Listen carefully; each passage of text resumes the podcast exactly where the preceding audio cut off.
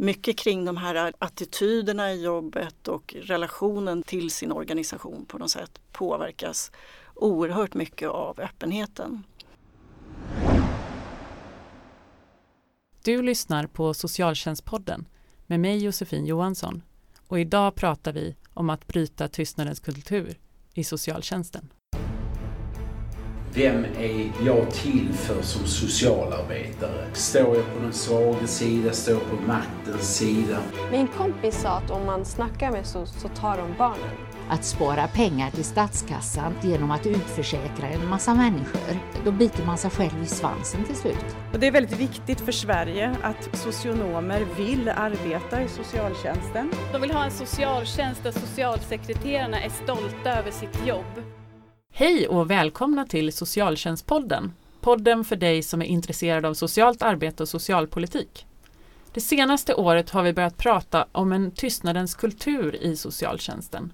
Att socialsekreterare, biståndshandläggare och chefer inte vågar lyfta brister i verksamheten och att det är viktigare att sprida en god bild av socialtjänsten uppåt och utåt än personalens yttrandefrihet och politikernas rätt att få den information som de behöver för att fatta rätt beslut. Den som har bidragit mycket till att lyfta det här problemet är arbetslivsforskaren Vanja Astvik som vi har med oss här idag. Välkommen hit Vanja! Tack ska du ha! Du har ju undersökt arbetsvillkor för andra yrkesgrupper tidigare och sedan 2015 så har du gjort två enkätundersökningar med personer som är anställda i socialtjänsten och som är medlemmar i Akademikerförbundet SSR och Vision. Vad är det viktigaste som har kommit fram i de här två undersökningarna? Ja, alltså vi har ju gjort två enkätundersökningar och den ena gick ut 2015 och eh, så gjorde vi en uppföljande enkät 2016. Mm. Jag vill börja med att säga skälet till det varför man gör två mätningar sådär är ju för att man ska kunna dra säkrare slutsatser om orsakssamband. För mm. att när man gör en undersökning så och ser samband mellan variabler så, så brukar man från forskningshåll säga att det liksom är, är, är bra att göra uppföljande undersökningar. Så.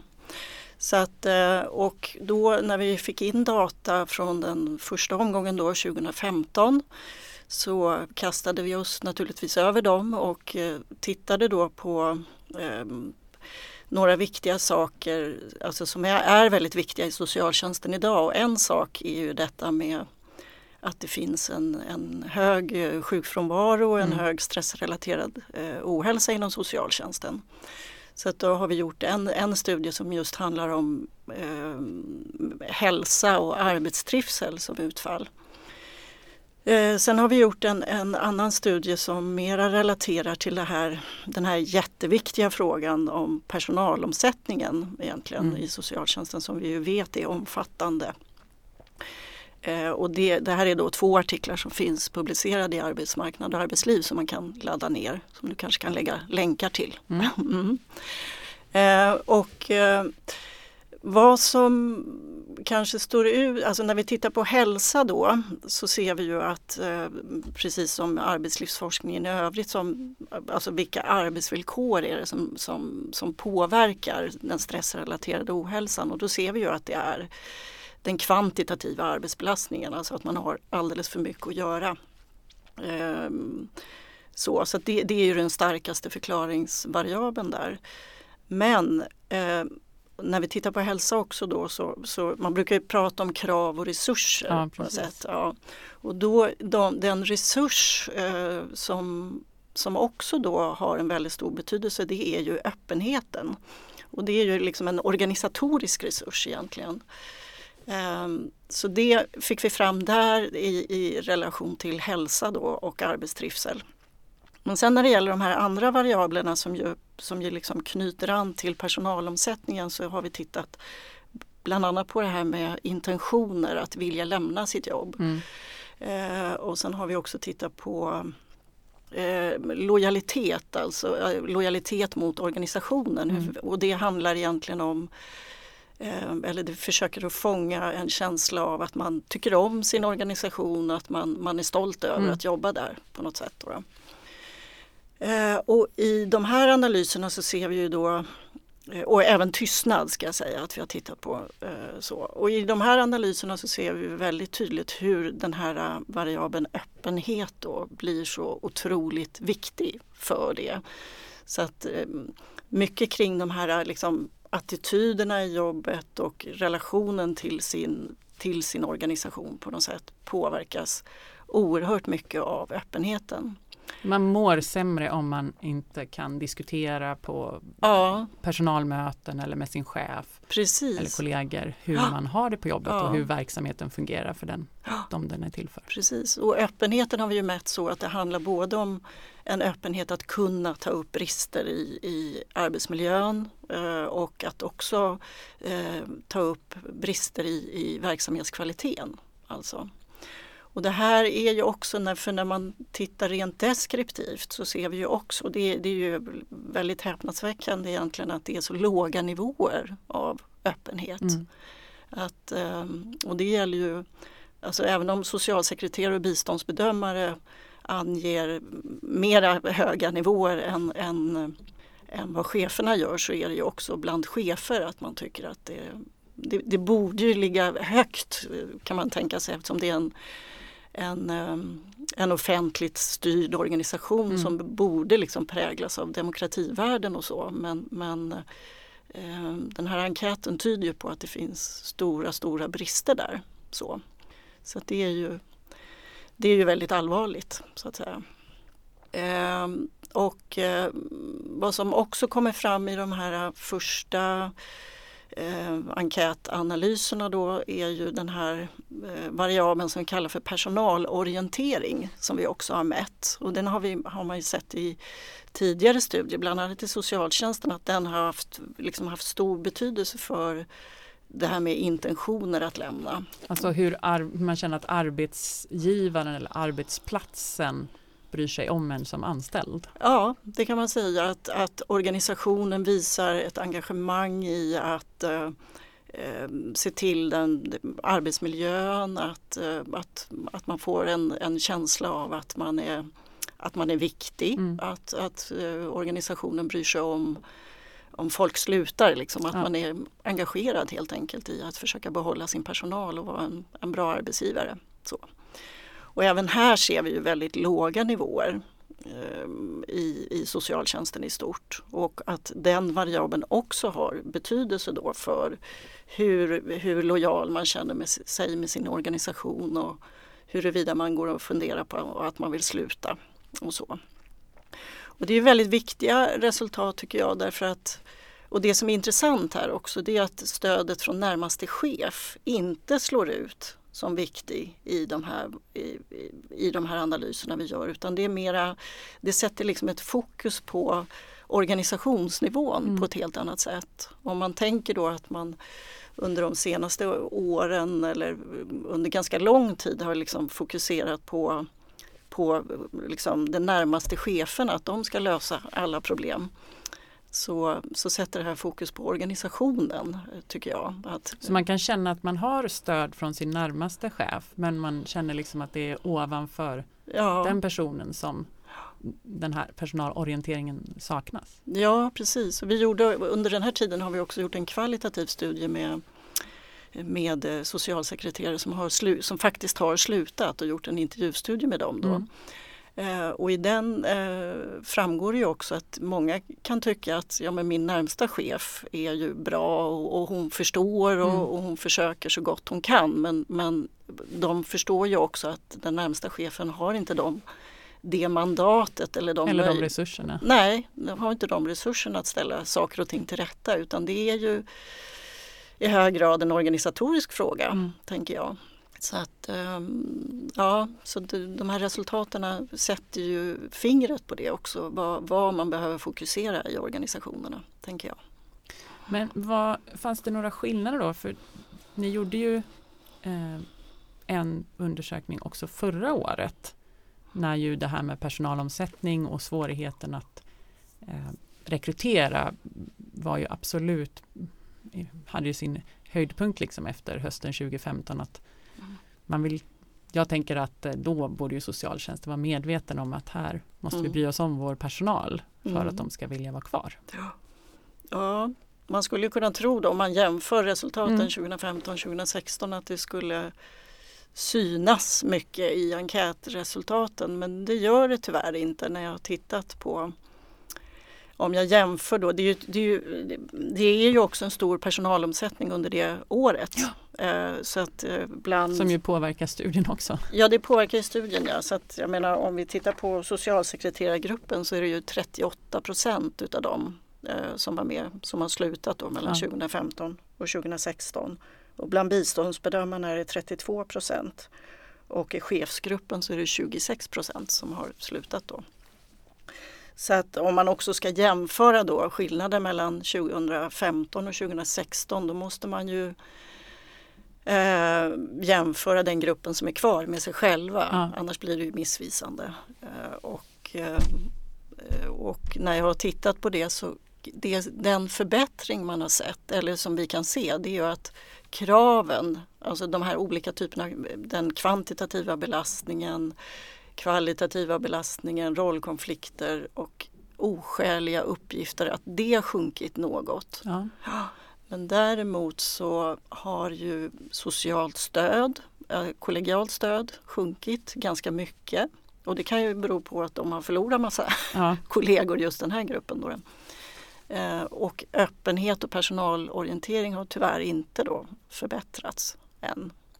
Men det kan ju ha med, med jag, jag tänker också att man, man ändrar ju inte sånt här på en kafferast. Nej. Det för det handlar ju om Alltså det är ju en kulturell förändring kan man ju nästan säga. Alltså vi attityder Mm. hos många aktörer i en organisation. Och det, så även om man satte igång saker under 2016 så kanske det inte spe, avspeglar sig i hur man, alltså att, att det har landat i Mm. organisationerna. Så.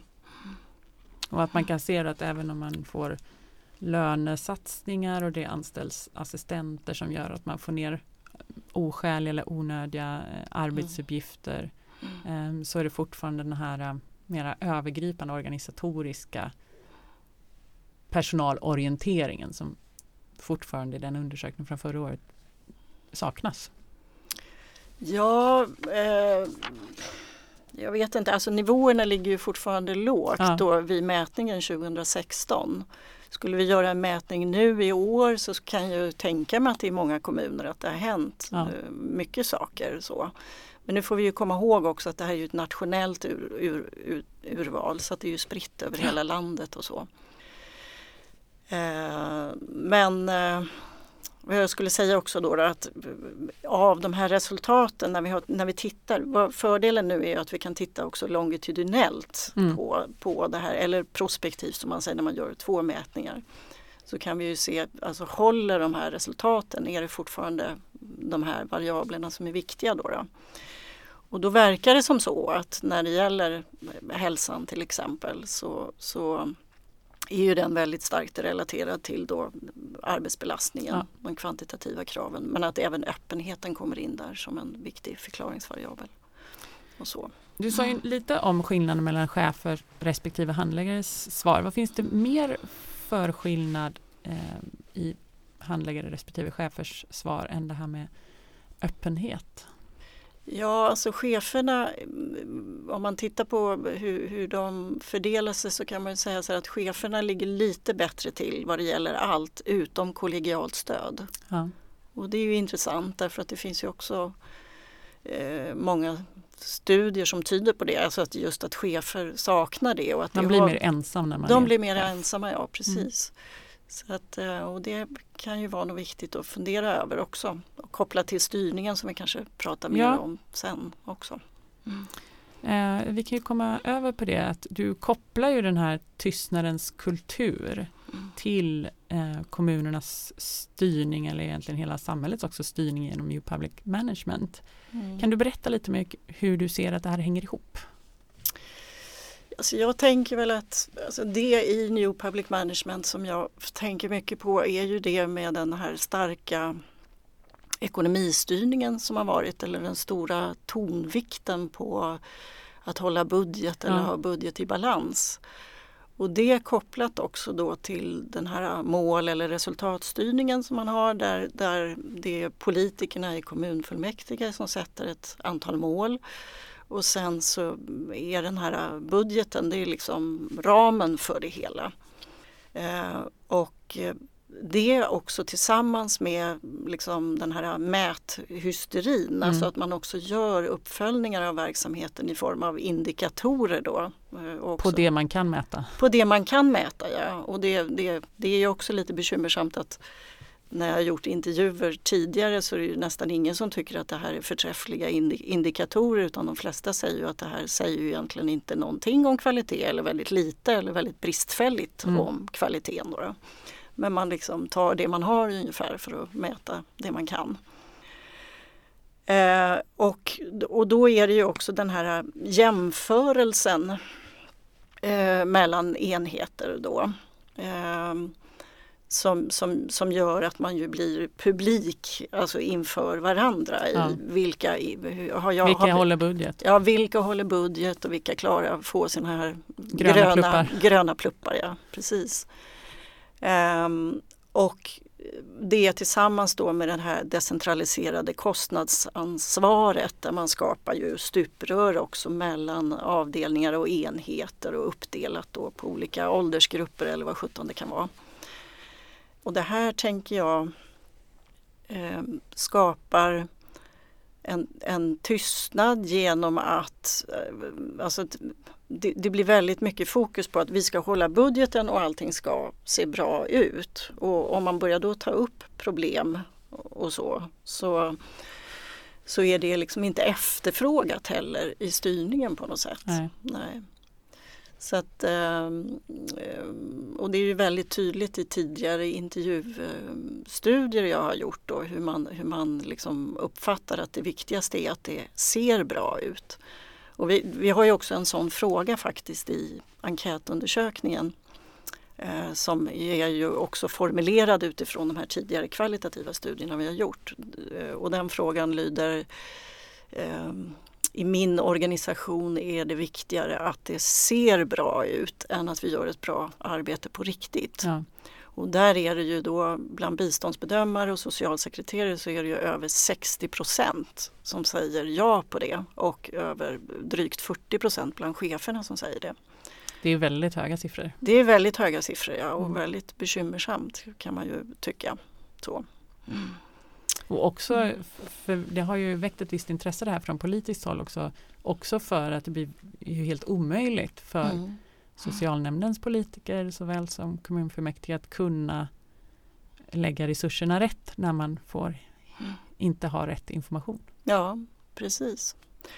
Och där kan man ju Ja, där är ju fråga, alltså det, det, var ju en, en, en undring som jag haft tidigare. Är det, är det politikerna som inte vill veta mm. eller är det liksom styrningen sådär? Och det, jag har fortfarande inget svar på det men, men ehm, man kan ju också tänka sig att alltså det, det, här blir ju en sak mellan alltså de politiker som sitter vid makten för, för tillfället på ja. något sätt. Att, allt, alltså att det finns ett intresse i att det ska se ut, se ut som att vi klarar vårt uppdrag bra ja. på något sätt.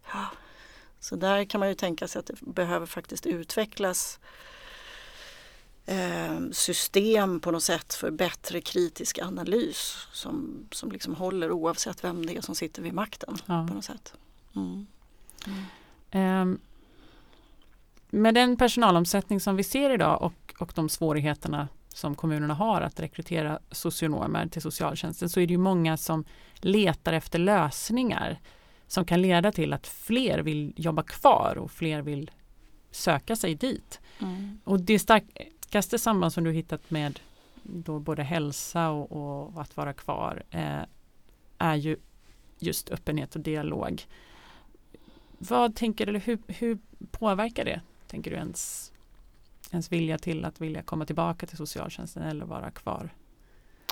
Alltså jag, min uppfattning om, om jag tänker tillbaka på alla kvalitativa studier mm. jag gör, så, har gjort så, så tänker jag att, alltså att det blir en väldig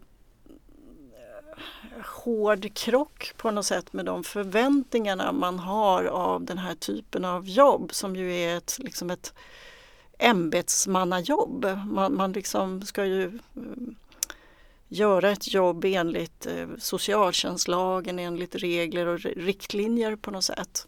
Och om man då kommer till en organisation där det signaleras att det som är viktigt här det är att, att, att vi håller budgeten och att vi sysslar med sådana här eh, skyltfönsteraktiviteter och låtsas som att allting ser bra ut mm. på något sätt och där man också har erfarit personligen eller via, via chefer som har varit öppna med kritik eller andra alltså som kollegor och så som tar upp problem som liksom betraktas som besvärliga eller chefer då som drabbas av olika typer av repressalier. Alltså man förstår ju det, även om mm. det inte är öppet så förstår man ju en chef som har varit kritisk som plötsligt får försvinner. gå. Försvinner. Ja, mm. precis.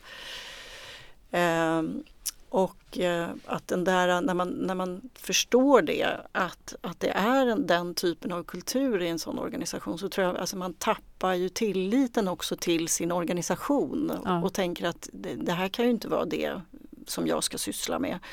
Eller någon chef som sa att det, det känns som att mitt jobb nu är att, att hålla min, min chef om ryggen. Ja. så, va? Utan det måste ju vara det här uppdraget och få känna den yrkesstoltheten och, och, och syftet med mm. verksamheten på något sätt. Så att um, um, Därför tror jag att öppenheten blir så otroligt viktig. Alltså att man, man behöver ju och, och dessutom så har det ju varit så som man förstår det av socialsekreterare och chefer och så att det har varit ett väldigt ensidigt fokus på att liksom jobba effektivare, springa mm. fortare. Mm. Man har tagit bort olika verksamheter och man har så att man också är mindre rustad på något sätt och, och därmed förebyggande till exempel. Det är ju någonting som har, har kommit bort. så. Ehm, så att man är ju då mindre rustad att göra sitt jobb. Och då är det ju um, oerhört viktigt att liksom få adressera de problem som man har mm. och få jobba med dem för att få en tro också på det här jobbet som ju är ett fantastiskt viktigt jobb egentligen. Då. Ja.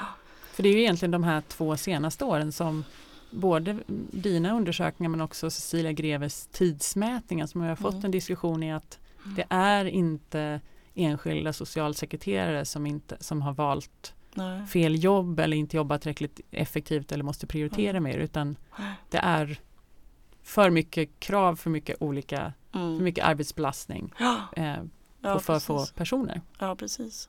Och det, det, det där har ju liksom det är också någonting det där som har, som har kommit fram på, som liksom knyter an egentligen till pers eh, personalorienteringen. Det är ja. någon slags motsats till den här individualiseringen ja. av ansvar som jag sett så mycket. Att man när socialsekreterare har kommit och sagt att det här går inte eller jag hinner inte, hinner inte eller jag har för många ärenden eller chefer som påpekar så blir det ju ett individuellt skuldbeläggande. Ja. Så att det är, det är en ganska stark kultur i det som har varit då att man, vadå alla andra chefer klarar det här, varför gör inte du det? Det är ja. ju ditt fel då. Eller, eller bland socialsekreterarna då att alla andra klarar det, varför gör inte du? Du mm. måste jobba mer effektivt eller du, man gör såna individuella lösningar med stresshantering eller vad ja, det kan vara. Mindfulnesskurs. Ja just det, istället för att, för att se det som strukturella problem ja. på något sätt.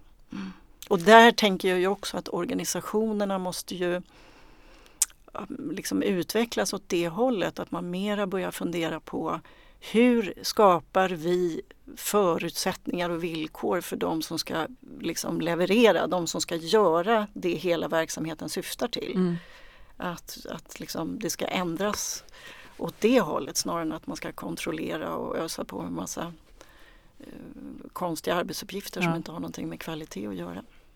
Och då kan också arbetet inom socialtjänsten bli mer attraktivt om man känner att man får förutsättningar att faktiskt göra det. Det tror jag absolut. Som jobbet ska ja, vara. Ja, det tror jag absolut. Mm. Um, men det, för det är ju inte bara personalen och brukarna i socialtjänsten som drabbas av det här utan det leder ju också till brister i demokratin och att man inte kan utveckla verksamheten för att mm. eh, man inte pratar om ja. vad det egentligen är för verksamhet man har. Ja ja absolut. Och det är ju, det är ju liksom den största det, det, är ju otroligt eh, förfärligt egentligen att det är så. Det blir ju verkligen ett demokratiproblem. Mm. Det blir det ju. Och, eh, och framförallt då att inte problem kommer fram till ytan så att man inte kan liksom, utveckla verksamheten och ta tag i de problem Mm. som finns. Och det blir ju också en, en stagnation för en själv då förstås som professionell yrkesutövare Ja. om man inte får om det inte är okej att ta upp det här problemet ser jag, vad kan vi göra och hitta lösningar på det och så. Det, Och då har det varit för en stor andel att lämna istället. ja, Men som en reaktion till eh, New Public Management så pratas det mycket nu om att man istället ska använda sig av en tillitsbaserad styrning och vi har tillitsdelegationen som eh, har varit med tidigare i podden. Mm. Och du är ju med och följer en av deras försöksverksamheten i socialtjänsten i Nyköping. ja. Kan du berätta lite om det? Ja, det var ju, det var ju, det är ju inte deras försöksverksamhet men den ingår där då Ja. som, som ett exempel. Eh, och jag fick frågan därför att jag har ju ett annat projekt också som heter Hållbar socialtjänst. Så att de såg väl den projektbeskrivningen och frågade kan det finnas ett, ett eftersom det handlar, där handlar det om hur kan man integrera eh, arbetsmiljöfrågorna med verksamhetsstyrningen. Mm. Och det är ju igen det här sidorörstänkandet. Då då. Så att jag fick frågan där från tillitsdelegationen och sen så, så när vi hade gjort datainsamlingen i Nyköping så tyckte vi ehm, mot, mot, om vi liksom stämde av med tillitsdelegationens definition också av tillitsbaserad styrning att ja men det här kan nog vara ett bra fall Mm. för det här. Så att, ehm, och det är ju väldigt roligt då för en gammal eländesforskare som mig att, få, att också få eh, hitta bra exempel, goda exempel. Så, så att, ehm, och, och vad som vad som står ut där. Där har vi ju då gjort eh, intervjuer med alltså, politiker och chefer på alla nivåer och ända ner till eh, socialsekreterare. Så det, fallet är hela individ och familjeomsorg. Då. Mm. Och vad som står ut i styrningen där det är ju att eh, liksom alla pratar om det goda sociala arbetet. Alltså när man pratar om alltså att bli en attraktiv arbetsgivare eller att lyckas behålla personal och så.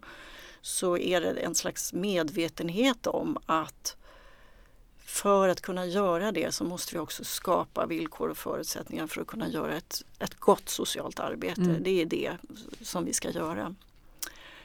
Eh, och här i den här kommunen så har man också en styrning som är mera fokuserat, alltså det, politikerna då i socialnämnden har inte så många mål.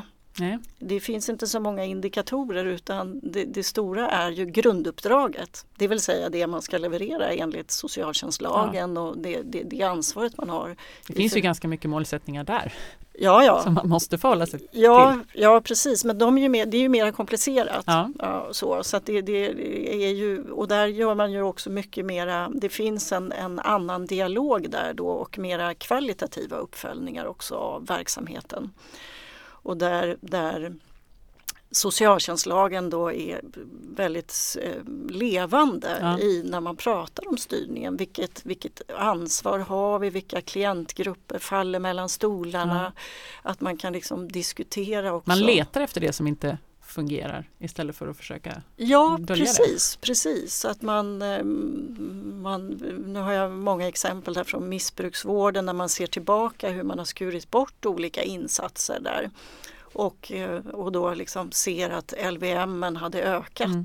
till exempel då och där man inser att ja, men vi har tagit bort en massa saker så att det, det, ja, det, det finns skäl till att LVM LVM ökar och så. Och så försöker man då bygga upp olika eh, verksamheter för att täcka upp för den här klientgruppen. Och man tillsatte tjänster till exempel för att eh, mera, du vet missbrukare som inte dyker upp, Mm. att man kan gå ut på stan och hämta in dem.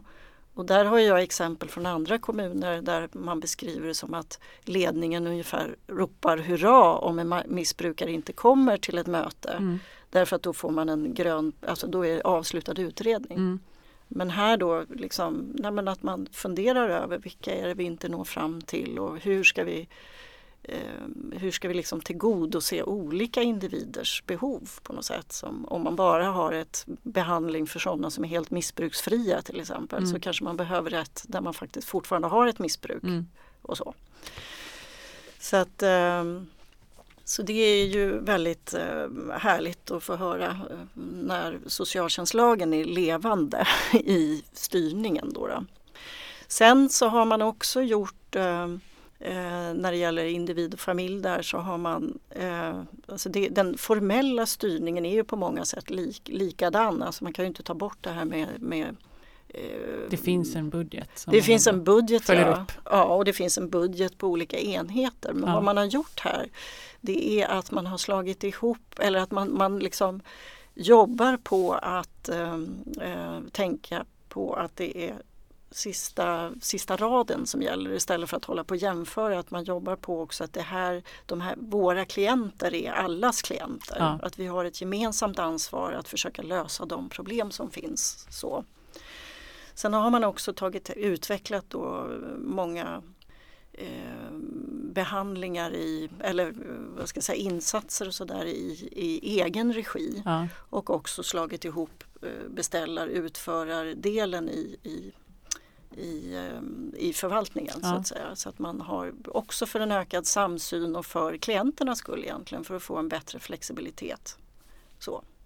Ja, det, det, där är någonting just med att slå ihop från det här beställare utförare system med olika mm. nämnder för mm. beställare och utförare så har jag också hört flera exempel de senaste månaderna på att man, ja. man slår ihop istället för att det blir ju mm. mycket lättare att samarbeta ja. och, eh, och det är ju ändå liksom egentligen samma pengar och samma personer som man jobbar med. Så ja, det är mycket precis. mer effektivt att man är i samma förvaltning och under samma nämnd. Ja precis.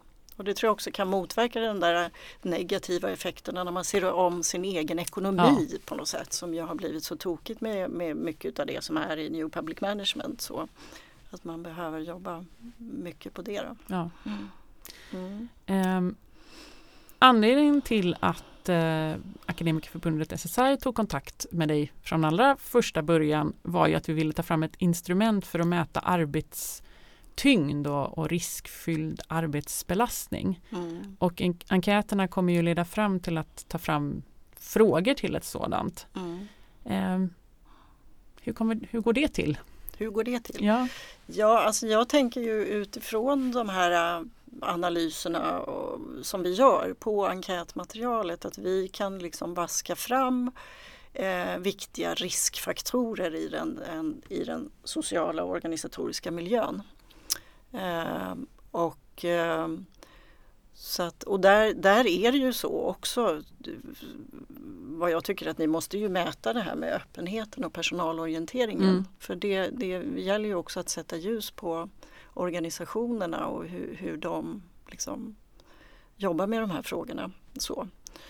Och, eh, och sen så blir ju de här mera klassiska sakerna också naturligtvis och som vi vet är viktiga för hälsa och för arbetstrivsel som, som den arbetsbelastning. Just roll, krav och resurser. Ja, ja precis. Rollkonflikter. Rollkonflikter är ju väldigt viktigt. Det, det är också ett sånt som vi kanske inte sa här i början men det är någonting som har kommit fram. Ja. ja.